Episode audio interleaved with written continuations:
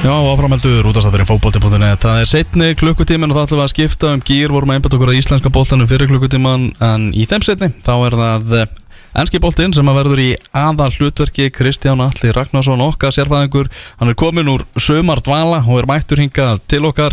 Uh, Ég og Tómas ætlum að ræða við hann um uh, helstu málefni. Kannski áður við fyrir í enska bóltan þá munum við nú aðeins kíkja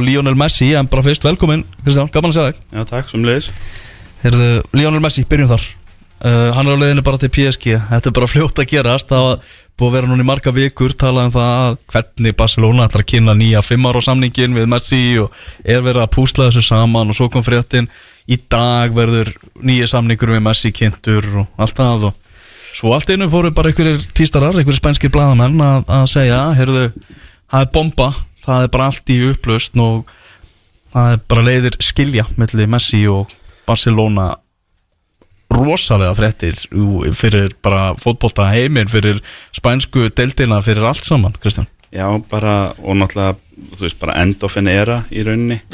Spænski boltin er búin að hafa síðast áratugin þessi tvö ofulið með þess að tvo demanta sem hafa nú aldrei selt áskriftir að áhorfi á spænskri knaspinu og annað.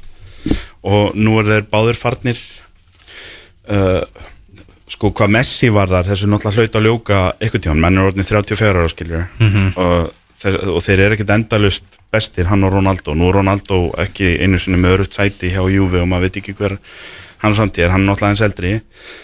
Uh, Messi var alltaf ykkur tíma að fara að hætta að vera Messi. Ekki, hann var samt Messi á síðastímbili nei, ég menna að þú veist Messi á síðast tímbili var ekki sá Messi sem við þekktum fyrir fimm árum. Nei, en, nei. en hann var samt besti leikmærin dildinni og, og, og maður sem að dró Barcelona bara upp í meistardildasætinu og ykkur tjens á ykkur dollu og lokaðum fyrðinu og, og annað. Það þurfti aðeins að fara að byrja að velja leikina fyrir hann og Já, það sem að sko það er tvent í þessu og, og sko annaðum finnst mér eiginlega bara alveg merkilega drep leiðileg saga sem ég nenni ekki að fylgjast með og það er framtíð Líó Messi. Því að það var einhvern veginn alveg ljóst þrátt fyrir, þú veist, að mennslúrum Manchester City og Chelsea sem eru að leita sig að frammerjum og eiga peninga og eitthvað svona hann var alltaf á leiðin til Paris það, það er bara, fyrir mér þá er það bara einhvern veginn það er minnst óvænt í heimi Mhm. að ef að þetta gekk ekki upp í Barcelona að þá fær hann beint í Parísar þeir borga launin og þú veist, það er hann í áskrift að, að hérna frönsku deildin á næsta ári, ég veitir unnan ekki á síðasta ári en, en þú veist, það er þetta eina skipti á ára og tögu eitthvað sem það gerist Mhm. Þetta, þetta lið sem að París er að búa til er náttúrulega hrikalegt og, og, og, er bara ætlar að gera svaka allu og öruglega mistradeildinni fyrst og fremst næsta ár. Og hann fer bara inn í það og, og ef Messi er bara eins og Messi var á, á síðustu leikti hjá Barcelona þá er það náttúrulega rosalegt fyrir París. En þetta er einhvern veginn bara svo, svona fyrirsjánlegt og, og háleðilegt og svo er hann að fara þarna í þessa deild sem að París er eiginlega bara búið að gera að einhverju, einhverju bjána sirkus sko þannig að maður svona vallan ennir að fylgjast með því nema bara að sjáumst í mestardeldinni líka eftir árumót Mhm. það er eiginlega leiðileg hlutin í þessu að, að vera eitthvað að ræða um, ég meina það, þú veist, við getum fjölirt hér í fleiri klukkutíma bara fram á kvöld sko um, um Messi og hans arleið hjá Barcelona og allt það, en nú er því bara lokið það sem er spennandi hlutin og það sem er búið að halda mér í heljar greipum í allt sumar, ég er búin að lesa um þetta máli í allt sumar, ég er búin að fá þetta svolítið á heilan það er hvernig í ósköpunum Barcelona getur verið svona illa reikin klubur Já, og hvernig menn geta lent í þeirri stöðu að þú er með 34 ára gamlan Lionel Messi sem er búin að vera í tvo áratugi hjá félaginu frá þann kom sem ungu drengu til frá Argentínu er orðin besti leikmaður í heimi búin að vera í mörg ár mögulega sá best í sögunni. Hann er klubburinn bara fjárhagslega og allt, ég er búin að lesa um það sko, það er svo mikilvægt að halda honum af því að fyrir, fyrir Barcelona þá er þetta bara spurninginu sko, þú, það bara droppar um helming allt revenue og allt peningastreimi til klubsins og sponsorship samningar og annað ef að Messi fer. Uh, að, að geta rekið hennan klub þannig að þú endar árið sumarið 2021 með Joan Laporta sem að er nýji fórsetin sem að er Messi mjög þóknanlegur nýja gamli já, gamli vinnur hans Mhm. semur við hann, Messi villur áfram allir vilja halda honum, það er búið að semja um laun hann tekur á sig helmingslaunahækkun félaginu til góða og það er ekki hægt að klára það af því að menn eru búin að reka klubbin svo illa að það er bara ekki, það er bara ekki hægt að koma þessi höfn nei. þetta er með ólíkindi um hvað Barcelona er búið að vera illa rekinklubur og ef að þetta sem að náttúrulega eru núna yfirgnæðandi líkur á, það er verið að bóða blagamannafund hjá Barcelona á morgun að Messi er náttúrulega að fara að segja bless og svo segir, segir hann við Paris á mándaginn segja þér, ef að það verði ekki einhverjar ótrúlega Mm. kúvendingar Það er bara ekkert annað að lið sem kemur þig greina en París Já, já, þú veist, það voru bara var áræðanlegustu áræðanlegustu félagskipta blæðamenni voru í gæra að segja að þetta væri 2 pluss 1 samningur en þetta er bara komið sko. já, já, það er bara þannig og, og hérna, ef að þetta er að fara að gerast þá er Barcelona, við erum að fara að sjá eitthvað alveg ríkalegt á knaspinduvellinum og í stúkunni hjá Barcelona og nú kamp í vetur. Já, með veist, Aum, og ég segi bara, þú veist burt sér frá því hvaða skoðanir við höfum á mönnum þessum leikmanni eða hinum eða þjálfan aumingja Ronald Koeman og aumingja leikmannitin sem ætla að fara að stilla sér upp og reyna að gera eitthvað fyrir Barcelona á þessar leiktið því að Messi var liðið á síðustu leiktið og það eru þarna góðir ungi leikmenn og svo eru bara leikmenn sem eru hér um peil rétt ræpir í Barcelona núna. Af því að menn, ég, ég sá bara skoðaðan sumraðin í gær á Twitter og svona og, og þú veist, kommentin við fæslur hjá Barcelona og viðtölu við Sjónal og Porta og umræðunar eru allar þær sömu, það eru hérna Anton Griezmann og Filip Coutinho og Samuel Umtiti og einhverju svona leikmenn uh, bara stungu félagið bakið með því að fara ekki frítt til þess að Messi geti verið áfram. Og þú veist, umræðin er galinn, þannig ég veit ekki Barcelona er bara að fara að vera eitthvað sirkus í fjötur Já, þetta hefur verið svona, hvað, svona tíu ár cirka in the making að hérna, komast á þennan stað því að þau byrja á því að hérna, eins mikið og, og hérna, eins vel og að tala um La Masia í kringum náttúrulega þegar þeir taka yfir fótboltan, þegar meir en helmingurinn af liðinu er bara alveg upp þar og svo fáið meir saman tilbaka eins og Sess Fabregas sem að náttúrulega var þarna líka og það, þeir voru bara þetta veldu upp á uppöldum Já, uppöldum leikmönnum, sko. En á síðan sko, náttúrulega snýst Lama síða í höndunum að þeim því að þeir hætta einhvern veginn að, að svona hvað á maður að segja, þeir, þeir klúðra Lama síða með því að þeir þólaldri að láta leikmenn fara, þeir eru með allt og marga leikmenn æfingarna verða léleiri uh, þú veist, uh, það eru svo rosalega margir uppaldi strákar sem að fá aldrei að spila eru gemdir eitthvað í bjöliðinu og þú veist, þeir eru bara með of mikið af leikmennum og sikt aldrei neitt út það er svona það er að koma á færibandi og allir þessi leikmenn sem áttu að vera næsti hitt og næsti þetta verði ekki að neinu. Og þá panikaði svo mikið í staðan fyrir að rétta af Lama síðaskútuna skilu, þeir voru ennþá með Messi sko, þetta var ekkit verið en það, þeir gáttu rétt hana í smá saman, að þá breytast þeir í eitthvað svona, eitthvað panikbæ félag, þannig Já. og fara að eyða einhvers staðar norðan eða sunnan af svona 80 miljónum evra í bara alla og engan. Elda einhverja svona galaktika og, án, og, og, og ekki með neinar pælingar sem er ótrúlega óbarsalónalegt að vera ekki með neinar svona pælingar um það, leikstílin og annað. Nei, nei. við erum að kaupa inn leikmenn sem að henda ekki leikstílnum eins og Dembele og Griezmann. Hérna, þú veist, þeir, þeir eigða metfið í Filip Coutinho. Lefunum aldrei að spila Filip Coutinho stöðuna, Mhm. þú veist, þú, hvernig horfir á leikmenn eins og Coutinho í 2-3 ár hjá Leopold sér, hann er frábæri þessu.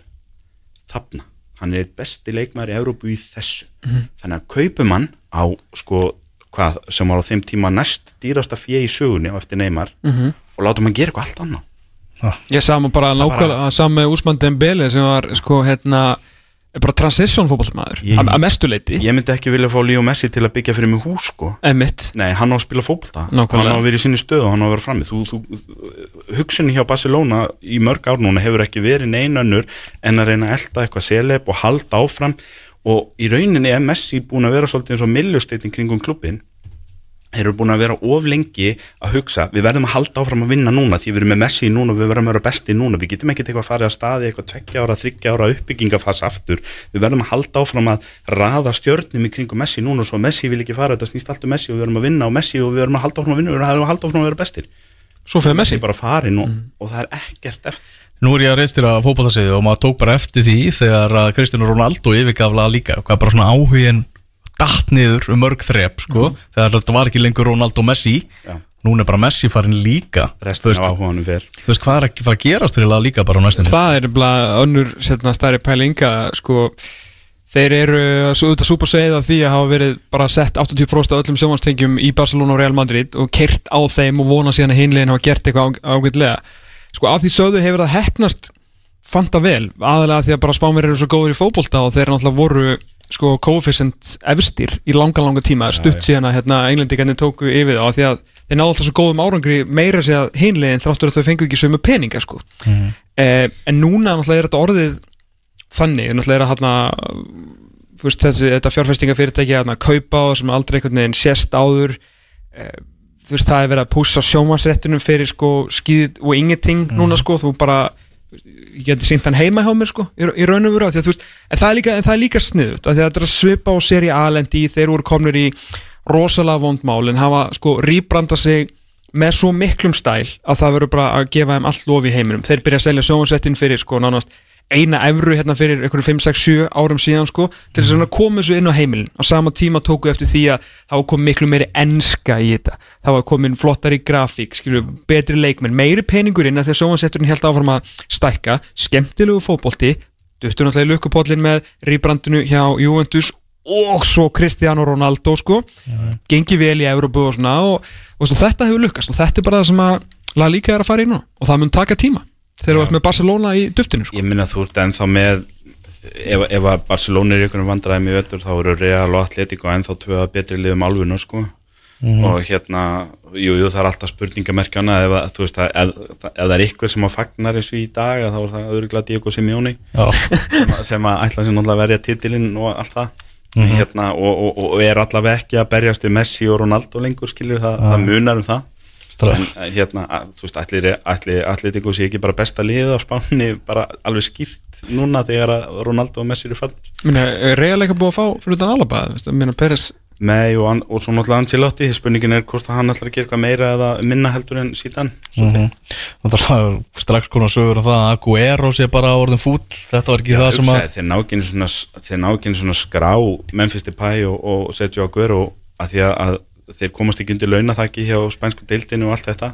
Já. launathak sem var nota beni í hérumbil sér sniði fyrir Real og, og Barcelona. Það, eru- það eru einu liðin sem að þurfa eitthvað að hafa ágjörði að vera undir þessu launathaki og hérna og þú veist, ég, eins og ég segi, ég er bara búin að fá þetta á heilan ég er búin að liggja eins yfir greinum um það Eh, það var einn góð grein sem ég tók eftir í vikunni sem að sagði að þegar að Leeds fór á hausinn og, og fjallu hérna og niður um tvær þá deildi sko hérna 2003-2004 að þeir, það var svona sögulegt hrun í Englandi að svona stór klubur þeir voru með launakostnað sem var 70% af uh, innkomunni hjá félaginu. Og, og, og þeir segja 70% það er bara tvöfald það sem á að vera þetta er bara eitthvað galið sko. Barcelona fyrir utan Messi í dag að þá launakostnaður er 95% af innkomi félagsins. Og var 110% 95, þannig að þú veist þeir, ef, ef, ef, ef þú myndir stilla upp fyrir utan Messi, sterkasta 11 hjá Barcelona í dag og selja þá svo allega, gefa þeim all, öllum fyrir alls að sölu á morgun. Bara burt með það, bara losa það á launaskrá þá rétt skriðar undir þakkið og hvað segir það okkur um, um þetta lið? þeir eru búin að stýra þessu bara í strand ótrúlega satt sko. Og hvernig er tilhugsunin að sjá, sjá fyrir sér Lionel Messi og Sergio Ramos sem samherja og, og leiðsfélaga það verður bara mjög skemmtilegt. Hlýði við hlýði í klefanum. Það verður áhugavert. Það var áhugavert. Algjörlega, við ætlum að eh, hitta eins upp fyrir ennsku úrvalstildina Það er samfélagsgjöldurinn í dag. Byggamestrar Leicester að fara að gefa móti Englandsmeisturum Manchester City klukkan 16.15 og svo fer ennska úrvalstildina stað á föstudagskvöldi. Þetta er allt saman að byrja. Er þetta ekki spenntur, Kristján? Jú, jú, veistlan Þetta er veistla, það er þannig. Við ákveðum að láta þig fá heimavinnu. Þú ætlar að henda saman spá. Já, ég hérna ég, ég ákvaða að vera, reyna að vera hérna reyna að vera svona blaðuskjóla bla, blað, blaðuskjóða segi Já. ég, týndu orðinu, bla, blaðuskjóða frekar heldur en svona eitthvað fagmannlegur. Ég er ekki með svona spá frá 20 upp í einn, ég nenni því ekki Nei. því að maður hefur einhvern veginn alltaf ránt fyrir sig með helmingina liðunum Mhm. þannig ég bjóð til svona 5 sleggjuspár Ok, og, sko, og það er kannski mjög sjá til.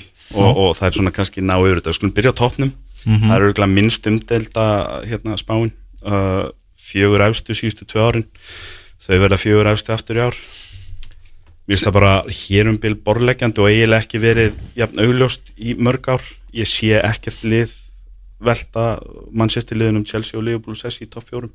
Ek ekki nema að vera eitthvað aftur svona sögulegt eins og Liverpool lendi á síðustu leikti eða eitthvað svo leið sem ógni þessu hjá ykkur um að þessi ekki, ekki trú á lestir eða? Ég kem að því aðeins og eftir. Allt í leið mér, mér finnst þetta bara að vera fjögur bestu liðindeldinu þau eru búin að vera meistardeldaklubbarnir núna tvö ára röð. Mhm. og það eina sem að breytist á milli tímabila var, var röð innbyrðsöðunin á þeim fjórum. Og og segja, hún getur sko- alltaf breyst aftur. En, en sko, og það sem einkennir þessi fjölið er í ár öðruvís en í fyrra og hitt í fyrra ég, ég myndi halda sko í, fyrra fyrir ári síðan að þá voru Chelsea, nei, Liverpool og Manchester City að setja stefnuna á titil. Mhm. og hinliðin voru að reyna að gera eins vel og geta og ná sér lámar toppfjórun Mhm. og það er munur á hugsunahætti núna árið setna að þá held ég að allir þessi fjóru klubbar séu að setja stefnuna á titil. Já, klart mál. Það, Manchester United eru búin að eiga frábært sumar og menn eru glaðir á þeim bæ. Ég segja en þá við United menn mér vantar, ég vil sjá varnantengilinn Sammála áður en ég fer að, að húlum hæga hérna, en þetta er frábært sumar hérna, þeir eru búin að vara hann og Jadon Sancho er náttúrulega rosa vó þeir eru ekki eða þessum peningum til þess að segja aftur við ólegunar annarsæti en aldrei raunhæfur sens á titli. Næsta voru frábært til þér. Og enginn dótlaði hús. Manchester United er Manchester United og nú greinilega ætla þeir sér að vera Manchester United. En af hverju láta hann fá nýjan samning ofan í þetta? Af hverju halda hann mikið eitthvað á tánum? að því að drúin er greinilega bara þetta mikil á honum það er náttúrulega uh, við erum alltaf að setja spurningamerkjum hvort að hann geti ítt þeim síðasta skrefið á toppin og við- unni dollur fyrir félagið og allt þetta. En ég held að bara, maður sér það svona einhvern veginn á umgjörun og klubnum að hann er bara svo vel liðinn og hann er svo vinsætla með já. leikmannana og allt og, og, og þú veist, þetta, er bara einhvern veginn svo borlegjandi en það náttúrulega getur bitið á því rassinn ef, ef að þeir eru svo, eru svo kannski stöðu þar sem að liðir í fjórðasæti og vann enga dollur og var aldrei með í mistardildinni að neinu ráði fór ekkert langt og eitthvað svona næsta ár og, og þá allt í hennu þurfum við kannski að fara að hugsa með sér heyrðu við þurfum kannski að breyta, við verðum að breyta. Að þá getur þessi samningu bitið á en, og það sama með Chelsea. Chelsea eru að reyna að klára strækir. Ef þeir klára Lukaku þá Sem að það er alltaf að fara að Já, klárast. ríkjandi Evropamistarar Túkel búin að frábæð með þá síðan hann tók við. Fá ekki á sig mark Já, bara frábærir einhvern veginn þjættir allstaðar Mhm. og, og, og hafa núna þetta hálfa ár uh, í, í farteskinu með Túkel þannig að þeir eiga svolítið að geta byrjað svona hitta ground running eins og maður segir. Eh, Chelsea og við vitum hvernig Abramovic er, hann er, hann er einnaði móþólumóðari upp í eigandastúkunni hérna, þar er stefnum bara sett á, þú veist, það getur bara eitt af þessum fjóruliðu munni titilin en hinliðin eru þannig að þau sætta sig ekki við að vera ekki með í barð Ertu með mestarasbá eða má ég, veist Má ég byggja um, um Já, röðun? sko, Nei, ég- City vinnur þetta, Þa, það er auðvöld að segja en Ég- ég- þetta ég- hinn þrjú eiga sjens Ok, þá er kannski eiginlega stóra spurningin að því að þú veist, upphala þegar við beigðum hérna draumatemi á milli þín og tryggva að þið komum hérna til þess að kýtast um United og Liverpool já. Hvor er endar? Ég meina þetta er eiginlega raun og eina sem að skipti svona 50% þjóðunum máli Hvor endar ofar Liverpool eða Manchester United? Ég sagði, ég verð náttúrulega að vera bara svolítið keikur núna og, og setja brjóskassan út. Ég sagði í allan fyrravetur að Liverpool er betra leðmast United. Það var bara þarna þryggja mánadar hrun. Liverpool voru efstur í mjól og frá er og frá, sko. Já, og frá fyrsta mars og til loka var Liverpool besta liðið í deildinni stíðalega Mhm, Já, frábæl Já, það er hérna frá áramótum til fyrsta mars, Mhm. janúar, februar sem að bara eðla allt, þeir töpuðu sjö heimalegjum röð. Og, og, Það er ennþá ótrúlegt að segja Já, þú veist, þetta er bara galið en þeir bara, svo fór sem fór, þetta bara einhvern veginn það, fór, það klikkaði allt. Já, en það er líka það sem ég byggði á, það klikkaði allt sem gæti klikkaði hjá klúb eins og Liverpool Mhm. þeir lenduðu samt í þriðasæti ok. Þannig að ég já, ég ætla bara að segja það að Liverpool verður fyrir Manchester United, við skulum bara sjá hvað það ég Ég fór, fór í svona á vefsíðu BBC í morgun og þetta svona, eftir komið Jack Greeley settu saman besta byrjunalið Manchester City. Mhm. Þannig að ég er svona, hmm, hvað það að leika mér aðeins að þessu? Ég slökti séðan bara sko, ég var bara alltaf, ég get ekki skilið Nei, þennan er, eftir, ég er ekki- Sterling úti eftir þetta HM? Já. Nei, byrju. Og byrju Ferran Torres var öflug en Mares er allt uh, Ég bara slökti, ég Og gat- hver er frammi? E- eina sem það vantar eina sem það vantar í dag, það er nýja Aguero Þa, það, það er eina sem þú sérði í sér sem að hinliðin gæti mögulega haft frammi við á. Ef þú ætlar eitthvað að fara að bera saman og segja hvað af hínum þreðmur liðunum er að fara að, að velta þeim og sessi að þá kannski horfir á Liverpool City og hugsa með Liverpool er með Sala þú, þú horfir kannski Chelsea City og segir ja, Chelsea eru með Lukaku að þeir klára það. Þa, það er eina sem þú getur sagt um City og þeir eru, við vitum þeir eru búin að eigða sumrin í að elta Harry Kane og voru náttúrulega að klára greili sem er frábær viðbót. Já. Ef þeir fá ekki Harry Kane þá býst ég við að þeir taka einhvern annan. Og hvað það verður, ég minna sjáum við á reyna við Lewandowski senkt í glugganum, þú veist, eða eitthvað svolítið ég veit ekki, en, en, en þeir gætu reynd að vera sniður og náði eitthvað sem er frábær lausn í tvö ár á meðan þeir brúa bilið að einhverjum Holland eða Kane eða eitthvað næsta sumar sko. Til að gaman að það Greeley svo að kynntur að fylgjast bara með svona maskinunni sem að fór í gang bæði hjá Aston Villa og hjá Manchester City náttúrulega risa stórt fyrir Aston Villa að vera að selja þennan fyrirlega sinn og andlit klúpsins sem að Pep Guardiola talar um að geti bara farið upp á næsta level þegar hann er komin í Manchester City búningin Klárt mál. Þú deildir hérna, Thomas, uh, myndbandi á, á, á Twitter. Maður heyra Good evening. I wanted to speak directly to our supporters to confirm the transfer of our captain, Jack Grealish, to Manchester City and to explain the background to this move. Við erum að tala um hérna 5 mínútna myndband. Já, það er þetta að finna, láta mig vita. Það er til sko tvekja minna We kaflega offered Ah, at the club. Já, Já, er Kristján, Astamila Já, það sem hann fer bara einfallega bara yfir það uh, hvernig aðdraðandan þessu var og af hverju það er verið að selja Jack Grealish fyrir 100 miljónu punta og er svona að sannfara stuðnismenninu um það að þeir hafi verið algjörlega undirbúnir undir þetta og þeir ætla ekki að fylla skarð Jack Grealish með einum leikmanni, þeir ætla að gera það með þremur leikmannum og vilja meina að þarna hafa þeir skoðið að nákvæmlega hvaða þættir það eru sem að Jack Grealish er að færa þeim. Og það eru þrýr leikmann fengnir til að fylla upp í þessa þætti sem að upp í þetta skarð sem að Jack Grealish er að skilja eftir sig.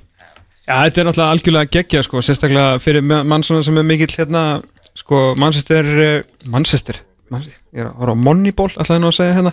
Moneyball, uh, það sem að uh, eins og ég sagði í þessu tvíti í gæra að þetta væri svo mikið Moneyball og það er atrið í kveikmyndin í Moneyball um nákvæmlega þetta.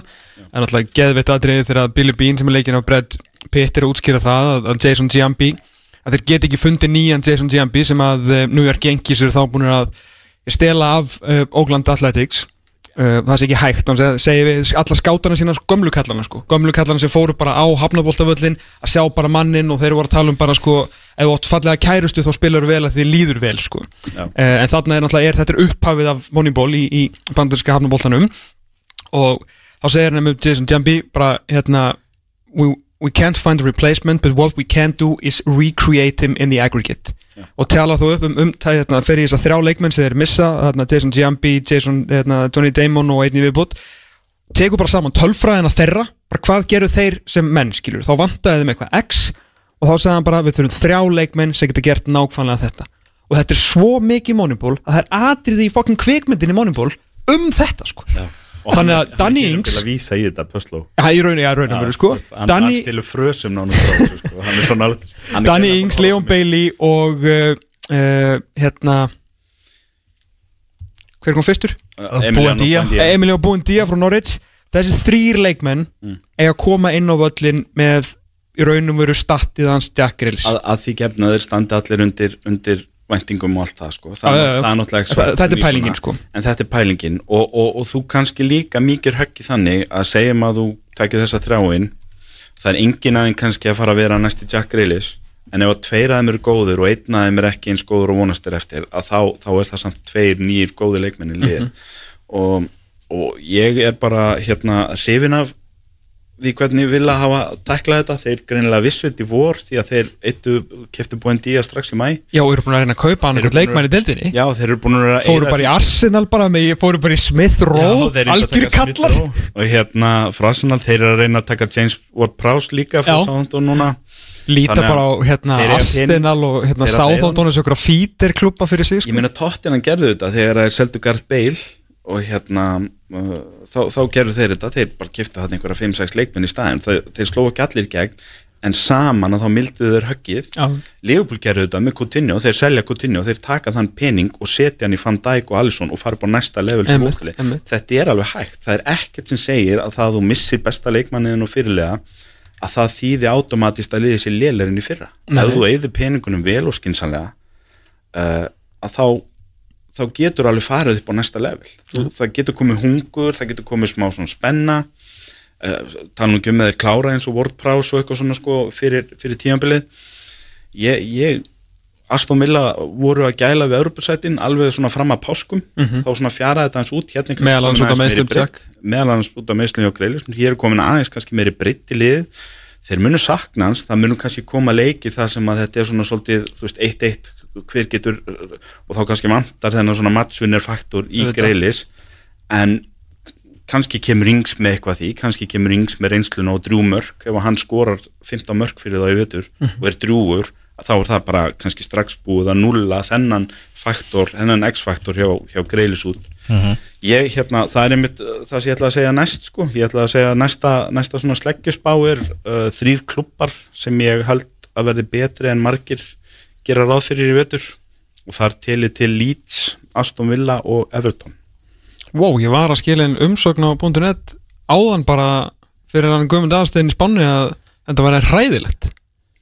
Hva, hvað þá? Everton, Já, þetta var allt umöðlegt þess vegna ætla ég að koma með þessa sleggjuspá og, hérna, og ég skal útskýra hana. Við erum þar. að tala aðeins um Villa og eins og ég segi, ég, við erum, ég er aðeins búin að útskýra núna En líka bara að ég vil bara taka undir það svo að segja með Aston Villa talandi um skilu missa leikmann alltaf að það er eitt lið sem hefur gert nefnilega ágætli í þessu. Já, það heitir Leicester sko. Já, nákvæmlega. Þegar Lester hafa sínt þetta hægt uh, Tottenham hafa sínt þetta hægt, Liverpool sínt þetta hægt. Þetta er alveg hægt, eða þú ert skinsamur og mér, ég, mér líst allavega, ég meina fyrirfram við getum náttúrulega aldrei vita fyrir ná reynir. Nei, nei, fyrirfram líst mér vel á þetta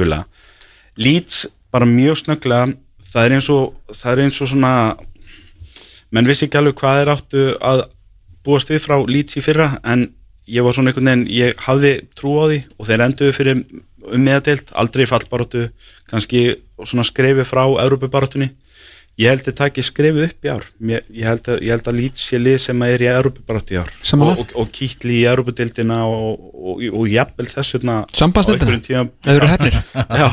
Og, og jafnvel eh, hérna á einhverjum tímapunkti svona kannski, veist, það er alltaf svona 2-3 lið sem er að láta stóru fjögur svitna jólin.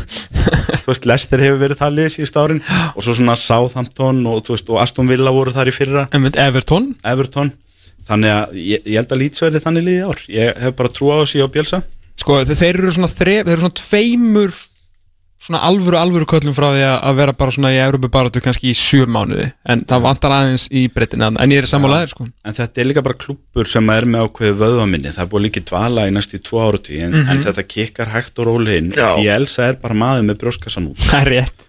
Og þeir eru, þeir eru bara ekkert minni máttan einstar, ég meina þeir fóru unna á Etihad á síðustu leikti þú veist, þeir, þeir eru bara ekki með uh, minni máttakend einstar, sko. ég veit að byrja mjög erfitt, ég minna að byrja Old Trafford. Já, og, hálfdeginu og, og, og svo laugardaginn. út í gegn börnlegi og eitthvað svona, veist. Þannig að það er ekkert víst að þetta verði hátt hjá þeim eftir 2-3 árum fyrir, það getur alveg verið að þetta sé erfitt rétt í upphæð en svo hefur bara trú á þessu, ég held að Leeds verði lið sem við viljum horfa á í vetur og verði góður Já, sko, maður má kannski ekki gleyma því með lýts hérna talandi um að þá vanti leikmenn að, þú veist, er ekki mittu leikmennir alltaf?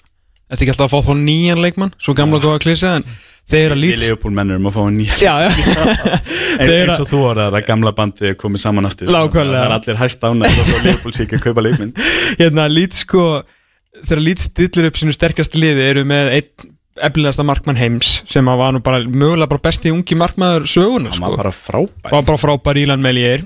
Miðvara parið þeirra, besta miðvara parið þeirra en náttúrulega þýskur og spænskur landslismæður en Robin Koch og, og hérna hann Diego Llorente náttúrulega spilu ekki mikið saman og síðustu leiti vegna meðisla uh, þeir eru konum með gæðan frá Barcelona í vinstri bakurinn ættu nú að vera uppgreita á Alioski þeir eru með Junior Firpo. Þeir eru með, og þeir eru náttúrulega með hérna, Calvin Phillips verður ekki slakari eftir að vera hann fastamæður í Nei, enskan landsliðinu. segðu. svo náttúrulega þú veist þessar kaninur Jack Harrison, læstur, hann er bara kominn Stuart Dallas, var með þessar leikmaði deldarinnar Patrick Bamford fram mér að finja Rafinha. Meina, 11 manna liði hjá Leeds er bara Já og stöðu að leikmenn í kringum það. Veist, Þeir eru með leikmenn, maður er svo heldur kosta Hann er ekkert mikið að stela fyrirsögnum. Nei, nei, Hann er einhvern veginn alltaf að gefa það já, í framistöðu hann, hann er alltaf með hálftem strákur eins og hérna Póveita Campo sem var alltaf að koma inn á að sprengja þú veist, Já, þú veist. þeir, þeir eru bara með þetta og Bielsa bara veginn. Já, En svo við förum í þriðalið, Everton.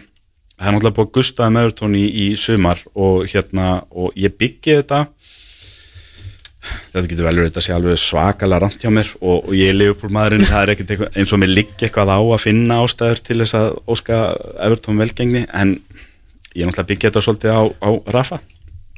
Já, Hann, sko, það sem að Rafa hefur sem Ancelotti hefur, eða sem sagt hefur umfram Ancelotti, það er ákveðin stöðuleiki og og svo er annað, ég er bara með eitthvað tilfengi búin að vera náttúrulega, og, og við náttúrulega íslenska þjóðan, við erum búin að fylgjast með fréttum með Evertón undarfærið, en ég er verið að svona rýna svolítið á bakvið og, og framhjá því og, og skoða þessi hérna mótmæli þegar Rafa var ráðinn og, leikmannahópin hjá Evertónana stundum þegar að þú ert búin að eiga svona eiginlega hálfgeft martraðsumar eins og Evertón þar sem að, Ancelotti svona bara stekkur óvænt frá borði og þeir eru bara skildir eftir í lausu lofti og svo gengur illa að ráða og, og það náttúrulega Rafa er eitthvað sem hefði klálega komið til greina fyrir nema bara því að hann er fyrir stjóri Liverpool og þeir þólan ekki. Hérna stundu þjappar þetta mennum saman og þetta er svolítið svona, það myndast svolítið svona við á móti heiminum og það kæmi mér ekkert óvart ef að Everton er svona smá stemmingslið í vittur að því sögðu þá náttúrulega kemur ekkert óvart að það sé bara allt morandi óanægu eftir, eftir einn mánuð þarna líka og, og þetta ná aldrei flugi og ég, ég hef alltaf haldið með það að Everton er klúpur sem er alveg frábæri að byggja sig upp og valda svo sjálfum sér komstöðum ár eftir ár. Þannig ég er ekki að fara að spá þeim hérna einhverju öðrupsæti en menn virðast tala eins og Everton séu bara í neðru hlutanum og séu jafnvel bara í brasi í ár. Ég held að Everton sé lið sem er þægilega í öðru hlutan Sko það sem ég sagði svona það góðu leikmennarna og. Rafa Benítez er bara stjóri sem hefur aldrei verið í neðru hlutanum á æfinni og, og, Ekki eins og með Newcastle, hann var, var ekki, var ekki Newcastle setni hluta deildarinnar þegar hann var með og þar, var ekki bara fymta besta liði í deildinni talsvert betra. Já. það hendar, það sem leikstílinn sem Rafa spilar er náttúrulega feikilega vel skipulaður gríðarlega þéttur, þeir eru að vera með sterka vörn í vetur, þeir eru að vera með drullu erfiða miðju fyrir anstæðingana að komast í gegnum. Og hann, hann, hann spilar, vill alltaf spila upp á frábæran sender og hann er með hann. Ég held að, ég held við getum sér stórt tímabil hjá Karvel Lú, uh, Dominik Calvert-Lewin. Lúin og, og, og ég held að Evertón verður bara í fínum málum í vetur hvort að þeir kallið það fínt mál að vera í tíunda til sjöunda sæti og ekki Europasæti eða eitthvað alveg skilur það er náttúrulega komið ljós Nei, það er ekki, það er kannski, það eru vombriðin sko. en, en ef, við, ef við getum litið á það sem sem hérna sem svona hérna að menn getur sætt sér við þá reddingu eftir sumari sem Everton er að eiga þá í alvörinu held ég að menn geta ekki kvarta yfir því að þeir gera svipa vel og í fyrra eftir það sumar sem eru eiga núna að þá held ég að það sé bara betra en menn kannski er að þóra að vona á þessum, þessum tímabundi Þeir verða alltaf sterkir varnarlega eru með rosalega hrausta stráka með góðan markur sem er alltaf búin að vera góður núna í marga mánu í röð Jordan Pickford sko. Uh, með, með Godfrey með veist hérna Michael Keane og, og fleiri. Þannig að rétt er og Rafa vill spila svolítið varnarleik sko. já. uh, síðan þú veist hvað gerist fram á þess að ég hef mestu ágætun af? Andros Townsend og Demaria Gray ekki kannski mest svona spennandi liðsögin James Rodríguez kom ekki í rigninguna í, í, í Liverpool borg til þess að spila fyrir Rafa sko, kom fyrir hann, Ancelotti. Hann vill bara fara, sko. hann er bara búin að segja það. Þannig- hvað gerir Rich Já. veist, ég bara Þetta veltur svolítið á því hvort að Rafa fær Richarlison og Carvert Lúin með sér í lið. Já, Þa, það eru leikmennir sem hann getur byggt upp lið í kringum, Rafa getur síðan rest ef þessi tveir eru stuði þá getur Rafa síðan rest. Og þá verða Everton bara ólsegir held ég í vittur eh, ég, ég er allavega þar, ég meina uh, mér sýnist menn vera að spá þeim svona einhverjum hrakfur, þannig að ég tók þá til og sagði ég er ekki alveg á þeim, þeim vagni. En svo náttúrulega á þess að við vitum nokkuð skapaðan hlut hvað er og verður og þá náttúrulega, þú veist, ef maður ætti bara giska núna út í loftið, þá verðast ekki mikla líkur á, á Gilvur Þór Sigursson verði með Evertón og það er náttúrulega eins eins illa og mörgum stuðnismönum með Evertón við, við hann sem er náttúrulega með ólíkindum þegar uppáhaldsleikmannur er að er Tom Davies sem kann nú valla sparki í fótbolta sko, Já. að þá er þeir náttúrulega fer ansi góðu leikmaður þar, þannig að þeir þurfa kannski tvo kalli ágúst og þá getur nú kannski verið aðeins, aðeins Það bara ekki saman hvort það er Jón eða Sir John þegar Rétt. kemur að hérna, kröfum stuðnismanna í Englandi Nákvæmlega, stundum sko. en hérna þá er að næsta spá það eru Ok. okay. þrjú klúpar sem að ég held að verði lélæri en margir aðrir verðast halda Já þar týn ég til Vestham, Leicester og Arsenal. Byrjum á, á, á mínum mönnum í Lester Hva, Hvað er mikið leilera? Þetta bara neðar? Ég, ég, þú veist, klúpurinn er vel reikin og Brenda Rodgers er góðu stjóri og þetta lið er búið að vera kýtla í meistardildasætin og náttúrulega bara kastaði frá sér Tvöruð tvö ári í röð þeir unnu byggarinn í vor. Ég er að spá því aðalega að það verði svona eitthvað smá spennufall hjá Lester. Og, og sko, og ég er ekkert að spá þeim einhverju hrunni ég, ég, þetta er lið sem er í öðru hluta deildarinnar. En það kæmi mér ekkert óvart ef að þeir eru utan Europasæta í hérna í, í næsta vor. Eða þú veist, ég sé þá allavega ekki vera eitthvað að kýtla jafn mikið í mistardildasætin eins og þeir hafa verið að gera. Ok. Ég, ég, er, ég er bara þar, ég held að það, svona, það var ákveðin svona stemmingsuppbygging svona stígandi í liðinu sístu tvö árin, en þetta hafðist ekki og þá oft svona það er erfitt að að fara í þriðja sinn og hafa trú á verkefninu og annað þegar að menn eru búin að kasta því frá sér tvisari röð, það er aðalega það sér að byggja þetta á, þannig að eins og ég segi, Lester er klubur sem áan á Europasæti í vetur, þeir eru bara það, þar, en þeir eru ekki held ég liðið sem er að fara að kýtla í mistallitarsæti ef ykkur er að gera Ég, ég, já, ég held ég sé alveg hjerta lásamálega sko, varandi, sko það er mjög, ég er sammálaður með auðvitað spá topp fjórum bara út af gæðum þeirra liða. En það veist þú ekkert um var að hérna þannig að nú er Fabrizio Romano að segja bara Lukaku það sé bara eitt skrif eftir þannig að við getum alveg bara að fara að tala um hann sem Chelsea mann þannig Það sko. komin er bara here we go eða? að ekki here we go en hann sagði að það væri búið að samþykja 110 miljóna eura tilbúið í hann sko. Þannig að uh, þeir eru fyrsta sinn núna í 6 ára ekki missa stjórnu allan ekki enn sem komið er Já, þeir missa Fofana náttúrulega núna Já, missa Fofana út en hann vantaði náttúrulega mikið á síðustu leiti Einhver galnasta tækling sem að ég sé í bara hvað dattmænir lengi, og þessi afsökunarbenn og Twitter er nú ekki nóg, hún er ekki fara að laga fótinn á honum sko. Allir sem hafa hort á myndskeiði sjá að Fofana svona tekur hann aðeins mínútu fyrr og hann stendur bara upp á hefni sín Mhm. Já, þetta er skelfilegt að horfa á Það þetta, sko. er ekki þetta að byggast afsökun svona því eftir á. En þeir eru með mjög gott lið. Uh, frábæra stjóra, eða þeir eru með frábæra leikmenn hann inn á milli, þeir eru búin að sjálfsög hérna, ná Mér í, líst í rosalega vel á hann Patson Taka sko. sammála, Patton Dago var að raði mörgum fyrir Salzburg. svo maður er sumulegis inn á miðuna minna, Vilfið Ndidi, þú veist, hvað eru margir betri Já. TMC heldur en hann í þessari deild? Hvað eru margir miklu betri leikmenn heldur en Júri Tillemans? Mhm. uh, hann var búin að kveiki í Enatio Vorti með mjög heldur spila aðeins minna núna og kannski velja þess, kannski meira leikina fyrir hann en Já, það er komið að því sko, Sko, ég- ég- Taka og náttúrulega þá ertu kannski komið loksins í þá stöðu að þurfa ekki að trista á Vardí sko ég er eða sammála því að það verður það verður mjög erfitt fyrir lestar að ná fjóraðsett, ná fjóraðsettinu eða þú veist, vera mm. tófjórum af því að við sáum hvað Leifbúl getur gert, ég veit, þeir munu alltaf kaupa er ekki fara að kaupa Solnik S eða eitthvað, þú veist, það munu eitt svona 40 miljón pundar kall koma, það er alveg klárt. Já, það er eitthvað svo leiðis á leiðinni. Já, og við vitum hvað Leifbúl getur þegar Leifbúl eru allir saman. United komið þess að tvo óna sem þeir voru að byggja sitt í, menna, glemdu hugmyndinni bara getur rúlega verið þess að delta ef eða nennaði, sko Já. Þetta er held ég það sem eina sem munu halda lestir að núti, sko, en þeir munu ekki fara í þetta er bara allt og vel byggðuklúpu með allt og góðan stjóra til þess að færa eitthvað Ég, sko ég, ég spáði með Europsæti, ég er bara ekki að spáðum í þessari mistællita baróttu sem þeir hafa verið í. Nei, Þannig að ég er, ég er, að, ég er að spáðum hæn og skref aftur á baka meðan allir aðri viljast vera svona meira um minna jákæðra því að þeir hafa fengið tvo góða eða þrjá Mhm. leikmenn hann inn í sumar og, og viljast halda að þetta sé svona bara business as usual Mhm. en já, ég er ekki alveg þar Að þessi Arsenal, eru þeir að dragast aftur úr það? Ég veit ekki á hvaða stað, stað Arsenal eru. Þetta sumar er búið að skríti hjá þeim. Menn verðast enn og aftur finnst mér umræðan litast af því að þeir voru rosa fínir. Ég ætla ekki að segja góður, ég ætla að segja fínir. Mm. fæn hérna síðustu tvo, tvo og hálfa mánuðin á tjömplunum en það er ekkert Arsenal legra í heiminum síðustu 15 árin heldur en að stimpla sér út úr öllum baráttum um alla dollur og þegar að pressan er farin þá byrjum við að spila vel Og- þetta og er klára- aðeins og smá klára sannleikur í þessu höður að Eh, þetta lið var í sko nánast í fallbáratu um síðustu jól, gat ekki neitt. Og það er bara því að þetta er bara klubburinn sá klubbur í Englandi sem höndlar pressu verst allra. Og leikmenninni þeir skipta alltaf um leikmenn þetta er einhvern veginn eftir höfðunu dansa limitur og þetta, þetta er bara félag sem ræður ekki við að berjast um einhverja einhverja dollur eða velgengni. Og ég sé þá ekki, þeir eru ekki eins vel mannaður og hinliðin sem þeir eru að horfa á þessi topp fjór, fjór lið og kannski tóttenam líka, ekki fyndunir hérna og, og er að segja, þú veist, það er okkar markmið og verkefni núna er að komast upp í þennan hóp og upp fyrir þessi lið og komast aftur inn í meistardildum og geta byggt á því.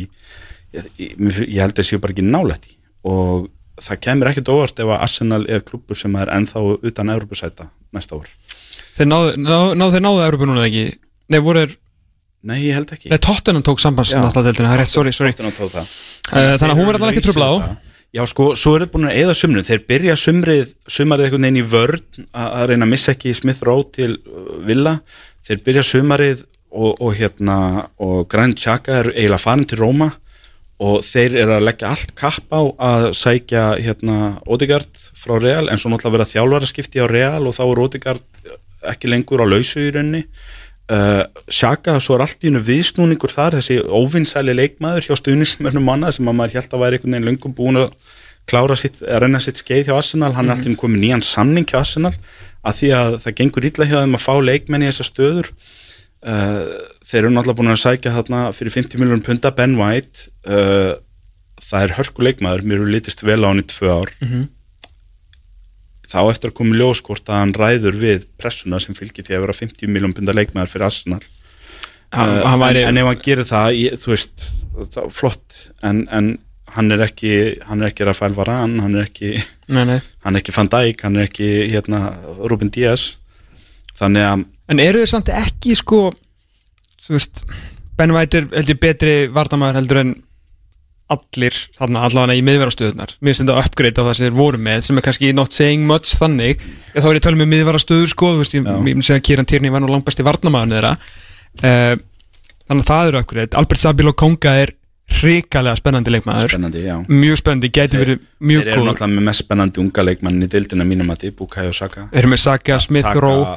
ef, að- Thomas. Partey að halda sér á fótum og vera Thomas Partey skilur þá er alveg já en sko Arsenal hafa- nóg, ég- ég Arsenal sammála. hafa verið með betri leikmenn en þetta Já, árin já, já. og alltaf koksað þegar pressan er mest. Já, og ég, ég er bara einhvern veginn, ég hef ekki trú á Arsenal fyrir að þeir sína mér annað, ég er bara að kalla eftir því að, að þetta Arsenalið gerir sér í brók og, og síni mér e- eitthvað smá stál, eitthvað tíman að það er hjút sem ég að þeir myndu ná í núna sem er, maður svo skrítið maður er alltaf að hugsa, af hverju ætti James Mattisson vilja fara fór sem að Leicester er mjög augljóslega betra lið heldur en Arsenal í dag en þá kannski gleym maður í smástund eftir öll þessi kannski nokkur slæm ári röð að þetta er jú Arsenal sko. Þeir eru í London, þeir eru með 60 manna völl og þetta er algjört brand. Já. og, og Mattisson er mögulega alveg, veist, hann er allan sagður klári að skilur fara. Já, en sko, fyrir utan náttúrulega kannski Rafa sem að, hérna, hjá Everton sem að er í vondum málum að því að nú er konin áhörundur aftur á vellina og Rafa er í vandræðum ef hann voga sér að vera með eitt stið eftir fyrstu þrjár umfyrirnar eða þú veist, eða tvö stið eða eitthvað og ekki búin að vinna leik eða þeir eiga erfið að byrjun þá er hægt við því að menn séu bara strax brjálaðir á pöllunum, bara eitthvað Rafa átt uh, fyrir utan það þá er eiginlega kannski þólimaðinn hér um bil minnst hjá Arsenalmennum og það verður það verður mjög stuttur þráðurinn í pöllunum á Emirates-vellinum ef að þeir byrja ekki vel. Og ef þeir eru strax að horfa á hinliðin fjarlæðist sig eftir þrjá fjóru umferðir þá er bara mjög stutt í það að það fara að vera fámynd á vellinum, menn segja strax þetta strax í hérna, óh, enn eitt árið. Já, og eitthvað svona, og fara að baula og hætta að mæta á völlin og, og Arsenal, hérna, fan TV Það er nefnilega málið að því að sko sama hversu mikið þeir þykjast vera þykjast vera, auðvitað eru brjálæðir arsenastundismenn og þeir eru alltaf, þeir trompast alltaf þegar þú veist, gamlu pöndutannir á Talksport og svona Já. er að segja þeir eh, séu að hafa svona disruptive áhrif sko. Já. En þeir bara átta sig, annarkvort eru þeir bara að ljúa sjálfum sér eða eru bara kannski ekki með alveg nógu funksjonal heilastarðsemi því að þú veist, ég trú ekki öðrun að þeir átti sig á áhrifunum sem þeir hafi á stundismenn þetta er ekkit eðlilega stórt, ég meina Sko, Robby er alltaf bara orðinn milljónum leikmennir eru að svara þeim Já, já. á Twitter og Instagram og svona. Þeir eru ekkit eðlilega skoðana þetta eru gæjar sem eru konir í þá stöðu að þegar þeir hafa hátt um félagið að þá, þá skila það sér alla liðin í búnsklega Pierre-Emerick er- Aubameyang eru sendi engir aðrir myndband á Troops eitthvað. þegar Troops hérna, flutti til þú veist bara er persónlegt myndband sem þeir síndu sko. það er engir aðri aðdáðendur með eitthvað podcast eða eitthvað, eitthvað spjallþætti á YouTube eða eitthvað í Breitlandi með þessi áhrif á félagi sitt eins og þessi gæjar hafa á Arsenal og þessi á, áhrif sem þeir hafa þau eru einhvern veginn alltaf neikvæð Já. því að þeir Mest- hafa, mest þeir eru hafa minni áhrif þegar að félaginu gengur vel eða liðinu gengur vel sér þá- bara klikkin á YouTube Já, bara en, þegar það gengur vel þegar Arsenal tapa þá, þá bara hrúast smellitin inn á YouTube af því að það vita allir að þessi gæjar er að fara að rífa kjaft Mhm. og, og, og, og það smitar og allt í nú leikmennir jafnvel farnir að svara þeim og, og blaðamenn farnir að skrifa um það og það er bara, það er eitthvað við Arsenal.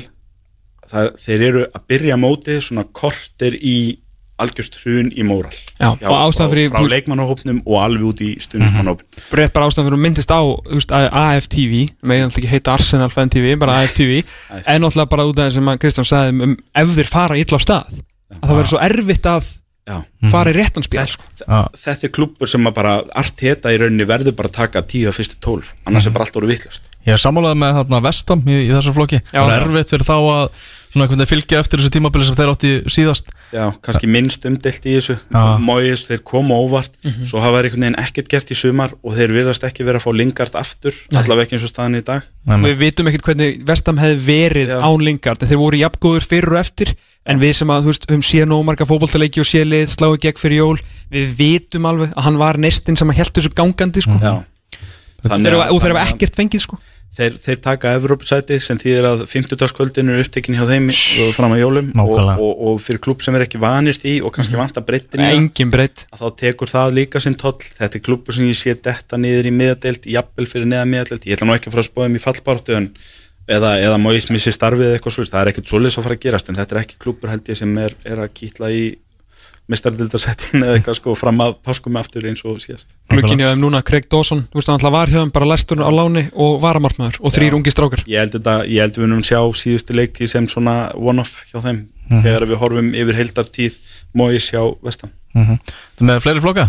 já, uh, fjórði flokkur nýlegaðnir Fjórði Ég af fimm þá uh, fjórði af fimm, já, Já. fymta er svo svona bara lokaspá. Uh, fjórði, ég segi bara nýlegaðnir verða allir í fallbaróttu og ég held að tvö af þeim falli og ég spái ég held að Southampton, Crystal Palace mögulega Wolves séu miklu vandræðum. Ég er ekki alveg ykkar Newcastle, Brighton og Burnley eins og oft áður og eins og margur er. Ég held að það séu lið sem að gæti alveg komið orð með því að bara svona rétt sigla lignan sjó.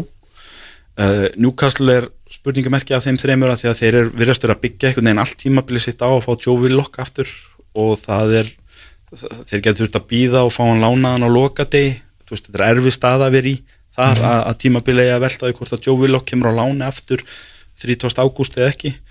Hérna en já, ég held að ég er, ég, ég er að horfa nýlega og ég hugsa með mér kannski Watford, Watford er svona klúpur sem mér fannst einhvern veginn vera of stór, of, eiginlega of gott lið til að falla þeirri fjallu, þeir bara svona einhvern veginn bara, að bara datt í andleysi og mistu flugið og fóru niður, koma svo upp það tók á tvö ár, kom upp aftur eða tók á bara eitt ár, Eitt ár. eitt ár Já. og, og það er kannski klúpurinn sem að maður hugsa með sér að þessum þremur uh, svona líklegastir til þess að þá svona klifra sig upp í 15. sæti eða eitthvað að halda sér uppi eftir fallbaróttu Brentford er náttúrulega rosa óskrifablað, þeir gæti alveg komið á orð ég veit ekki um það þannig en, en maður er ekki að sjá svona þú veist neitt þar sem að bendi til. Þetta er klubur sem að þurfti veist hvað umspil núna tvisar röð til að komast upp. Þetta er náttúrulega svona, þetta er einn skemmtilegasta pælingin sem er í gangi er í fótboltanum þetta er áhörð tilraun og maður horfir á Já, það en ma- maður veit ekki neitt sko. Nei. Hversu, þú veist, bara, maður veit ekkert þetta er, þetta er kannski svolítið eins og Bormuth ég meina kannski er þetta bara vel reikin klubur sem kemur óvart með því að vera allavega eitthvað smá stöðuleika í vetur og enda í 14. sæti og allir heimilefandi Ég held að sé sko hjúts fyrir þá að þið myndir ná að halda sér í ég dildinni myndi ekki við það. Og Norvits er þekkt stær þeir náttúrulega missa leikmann tímabilsins í Championship Já, dildinni er til Aston sko. Villa í, Fábili í Little Gilmore. Þeir fá Gilmore á láni, hann gæti orðið flottu fyrir þá. Svo veit maður ekki hvað Timo Pukki á eftir hann Nei, nei. Hérna og hann, hann svona, það hefur verið svona hægri niðurleið hjá honum flugið sístu 2-3 ár eftir að hann skoraði 30 mörki dildinni 2018-19 uh, þannig að, og, og Norvits er náttúrulega bara búið að sína sig, það er jójóli, það er svo Vestbrom, þú getur svona nánast bóka þeir eru þarna og í besta falli að þá enda er í 17. sæti stíi fyrir ofan liði sem fellur. Þú veist, það er einhvern veginn best case scenario á þeim, þannig að það er En hvað stór, heldur allir falli að heldur að, ég, ég er að að á af þeim líst mér best á Watford ef ég ætti að spá einu af þessum liðum Skemmtilegt hérna nafnið á þjálfurinn í Votvort Já.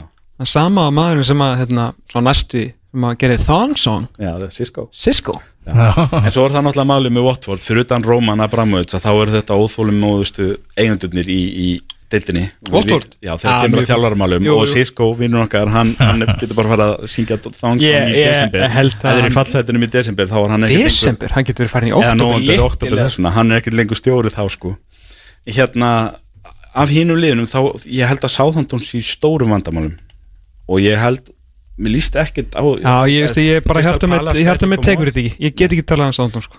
Þegar ég heldur, ég er hættur með falli sko. Já, ég er að segja það, ég er að spá þeim það sko. Ég er að spá Ef Southampton að einhver kemur og actually bara setur alvöru tilbóð í Pride of the Academy núna í ágúst og rænir á okkur JVP að þá er Southampton falli Held Já, og það, það er annað við þetta Southampton sem að kannski ekki margir sem taka eftir að nú er maður að lesa um það að eigendurnir séu sennilega með félagi söluferli og það er verið að, að, að klára það að reyna að finna nýja og fái nýja eigendur. En það sem gerist yfirleitt alltaf þegar að svona liðir í söluferli er að þeir skrúa fyrir vaskrana það er ekki verið að eða peningum í leikmannaköp þeir ekki búin að eyða neinu bara í þrjú ár. Nei, og það er þess vegna sem að það er að gerast. Þannig að þetta lítur bara ekki út. Þeir eru að missa Dannings og mögulega James Ward-Prowse kortir í mót. Og stemmingin einhvern veginn verðist vera lítil eh, í kringum liðið og ég veit ekki, þeir eru kannski þá að treysta á að Hassenhull sé eitthvað kraftaverka maður hann hefur verið það svona á köplum en ekki alltaf fyrir á svona stundum en ekki Já, alltaf. en hann getur, hann er, sko, Ralf, Hasenhull er, er frábær knaspunnistjóri Já. en ekki einu sinni Ralf Hasenhull getur gert eitthvað að viti með sáðuntónliðið ef að bæði Danny Ings og JVP Nei, fara og það kemur ekkert. Það er bara ósangjan hvað hva er þetta að byggja manni einu góða var að við, hérna, Ryan Bertrandi farin það er nú eiginlega góða fyrir hérna Svo náttúrulega, svo er ég að tala um Crystal Palace og Wolves, þetta eru svona lið sem að mér líst einhvern veginn ekkert á eftir umbreytingar í sumar, kannski kemur annaðum á óvart og eru eitthvað voða góðir næsta ári. Og það er svona tengist loka sleggjusbánu hjá mér. Uh, þrátt fyrir það að Watford séu komin aftur í úrvastild og þá ætlum ég að spá því að Patrik Vieira verði fyrst í stjórn sem að missi starfið. Já, ok. Held- sagðirðu? Patrik Vieira hjá Crystal Palace. Wow. Ég held í alveg að við séum bara horfa á annan Frank de Boer ég, ég, var, ég, var, ég var reyna hjá sama að reyna, já, þú veist, þessin er ég, er að byggja þetta á þessu að því að Crystal Palace er sögulega lið sem að reynir þetta á 5-6 ára fresti eitthvað, hm, spennandi, spennandi þjálfari með ferskar hugmyndir. Og svo gengur það ekki á fyrstu fjórum-fimm umfyrir þá bara nenninni ah, Rewind. Siggi í samanlæta, Siggi í hérna, hérna Roy Hodgson. Roy Hodgson. Eða eitthvað sko. Þeir, eru- þeir eru heldur ekki að taka henni skref í átt að þessu. Þeir eru bara bara svona Já, Neil Búm, Warnock. ætlum að Þetta er mesta 40 st- eða, Er ekki- Crystal Palace og Burnley eru mestu 40 stegar liðin í Já. þessar dild er ekki rétt skili hjá mér að samanlætaðis uh, hérna Neil Warnock, Tony Pulis og, og Roy Hodgson sem er náttúrulega farin að eftirlaun eru allir án starfs akkurat núna? Jú. Já, þú veist, þeir eru að fara að ringja einhvern í oktober ef þeir eru ekki með deild þá eru þeir að fara að ringja einhvern í oktober það er bara, það bara abort, abort veist, eftir, eftir tíu vikur tops, ég, ég held það sko. En kannski, en ég var bara, ég var að skoða fyrirskrána hjá Viera, hann hættir að spila fótbolta og hann verður átt einhver svona yfirmaður, hérna, akademíunar eða eitthvað hjá City í nokkur ár. Svo fer hann þaðan til sýstur félagsins í New York, New York FC og er þjálfarið þar í tvö ár. Hann næri öðru sætinu sem sagt í austurdeildinni eða hvernig það er í bandarækjunum annað árið fer og það svona skilar honum yfir í starfi í Európu, hann fær séns hjá nýs Var hann fyrsti þjálfurinn hjá NYFC? Já, ég held það, Já, Min, minni það. það er, það er sko ef þú hittir á rétt hérna, að þeir voru náttúrulega expansion franchise Já, og þá náttúrulega fara að ræna fullt af köllum og það er aðeins auðveldur að ég veit að hljómar fárlega að þú byrjar ekki með neitt lið en í bandaríkjun, þú veist, þegar kemur nýtt liðin í dildir þá máttu velja eitt leikmann úr hinu liðunum en þau með að, þú veist, blokkara ákveðna. Þeir halla reglum og annað svolítið þér í hag og þú ert nýja þú veist, í Las, Vegas í Knights í félag. Ísokíinu þeir eru næst nýjasta expansion fransasið þeir fóru í úrslitin á öðru ári. Atlanta United, mínu menn í MLS þannig þeir maður unnu getur á öðru ári. sinni gefið honum endilega það að gerir eiginlega ekki er og svo er það ekki allt í lagi og það er bara farið. Og svo er hann bara búin að vera atvinnulegs í tvö ára og núna allt í hann komið til Crystal Palace. Og gleymið því ekki að hann var held ég hvað 23. stjórn sem að þeir töluðu við í sumar eða var hann 33. það? töluðu þeir, þú veist, þeir ringdu þeir því Tómas, þeir, ringdi mig sko, ég fekk bara Þú voru hrifnur þessi gert á Sýmir Sport Já, ertu laus. Þú Ég bara er ekki laus. Þú veist, þe- þetta er bara svona klubbur sem að. Er alveg, hann, hann er alveg kjörinn til þess að panika eftir nokkrar umferðir ef þetta er ekki að ganga hjá Vera strax. Og það eru svo mikla leikmannabreitingar hjá þeim og hann er að taka inn unga stráka hann er búin að kaupa tvo unga spennandi úr Championship-deildinni og hérna Mark Way í vörnina og hvað hann heitir Michael Olise frá QPR sem á að vera svona spennandi ungur sóknatengilegur Skemmtilega þessi loftbróða milli QPR núna og Crystal Palace. Já, það er menn tengjast vinnaböndu þannig og hérna, ég veit ekki þeir eru kannski óvinni eða eitthvað en hérna, þú veist þetta, þetta er, þú veist, allt við þetta verkefni hjá Patrik Vera lyktar af því að þetta þurfi tíma. Að þetta sé ekki eitthvað sem er að fara bara að smetla á fyrstu fimm umförun og Crystal Palace er bara ekki klúppur sem að er hannaður til þess að gefa svona verkefni tíma. Crystal Palace er klúppur sem er hannaður til þess að panika og ringja þess samanlæðdæs í oktober þannig að ég er á að þrátt fyrir að Cisco sé hérna annar ungur óreindu stjóri hjá Watford sem eru þekktir fyrir að reyka þjálfara snemma og vera komnir að þjálfara nummer þrjú um áramótin Já, þá held ég að Patrik Vera missi starfið. Já, og ég var að segja að Southampton falli því miður Thomas með, með, hérna, með Brentford og, og, og, Norwich. hérna, og ég var að segja að City taki titilin eftir ennina epikas, episka baráttuna um Liverpool sem að vinnur þá að sjálfsögðu mistardeldina hérna rústar uh, brýtur hjarta Messi og Parísar manna aftur í úslitum eða undir úslitum er það ekki bara ágætt spá? Jú, held þessi bara ágætt, held þessi ekkert eitthvað allir sammálaðir og, Þetta og games hérna, begin Já, já. ég, þú veist, það eru vel bara fjóra myndir eftir en ég, ég ég- let you off the hook hérna í byrjunni þegar Leifupól sem að er ekki búið að kaupa og allt í henni að fara. En þú veist gamla bandið alltaf, ég er enda með þér í því sko. Gamla, Já, já, því að það er engin genie sko. Það er engin hjálp fram á við. Já, sko við, þar, Úf, ég, ég get sagt tvennt. Þáttu til þrjú. Ég get sagt tvennt, Ok. An, annars er það sem við vorum sammálum á þann, það er alltaf ykkur einn að fara að koma, Jota og. Al- Alcantara komið með mjög sent í klukkanum Já, í fyrra. og það er byrjar að spila fótbolta þegar þeir mættu. Þannig að það er, það er eitthvað svolítið sem var að gerast. Mhm. það er annarkvort sóknatengilegur eða miðmaður. Uh, það sem ég get líka sagt er að í rauninni voru þeir búin að kaupa staðgengil Gini Wijnaldum í fyrrasumar. Því í fyrrasumar fór engin miðmaður og þeir keftu Tiago og Tiago er bara búin að þurfa langan tíma til að koma sér í gang en hann var geggjaður á svona sístu tveimu mánuðum síðasta leiktíðar. Mhm. uh, þannig að ég bara býst við miklu af honum í ár uh, í þriðja sem ég get síðan sagt er að það er náttúrulega þarna ungu leikmaður sem að menn eru að búast við rosalega miklu af sem heitir Curtis Jones. Og nú er eiginlega bara þetta er svona hans þriðja sísón að byrja á fullu með uh, aðliðinu, hann var fyrst svona ungi leikmaðurinn sem að sló Ever Everton út í byggarnum og, og, og, hérna, og svona gerði bjósetti nafn. Svo í fyrra var hann svona stöðugt svona, hann svona datt út á þessum erfiða kapla eins og allir náttúrulega. En þess utan þá var hann bara svona mjög stöðugt góður og var svona pipri mörgum að miðunni og nú er svolítið ætlast til þess að, að sáleikmann sem er áringur um fylgfótinn hann er kannski á sama stað eða svipum stað á fylgfótinn fyrir ári.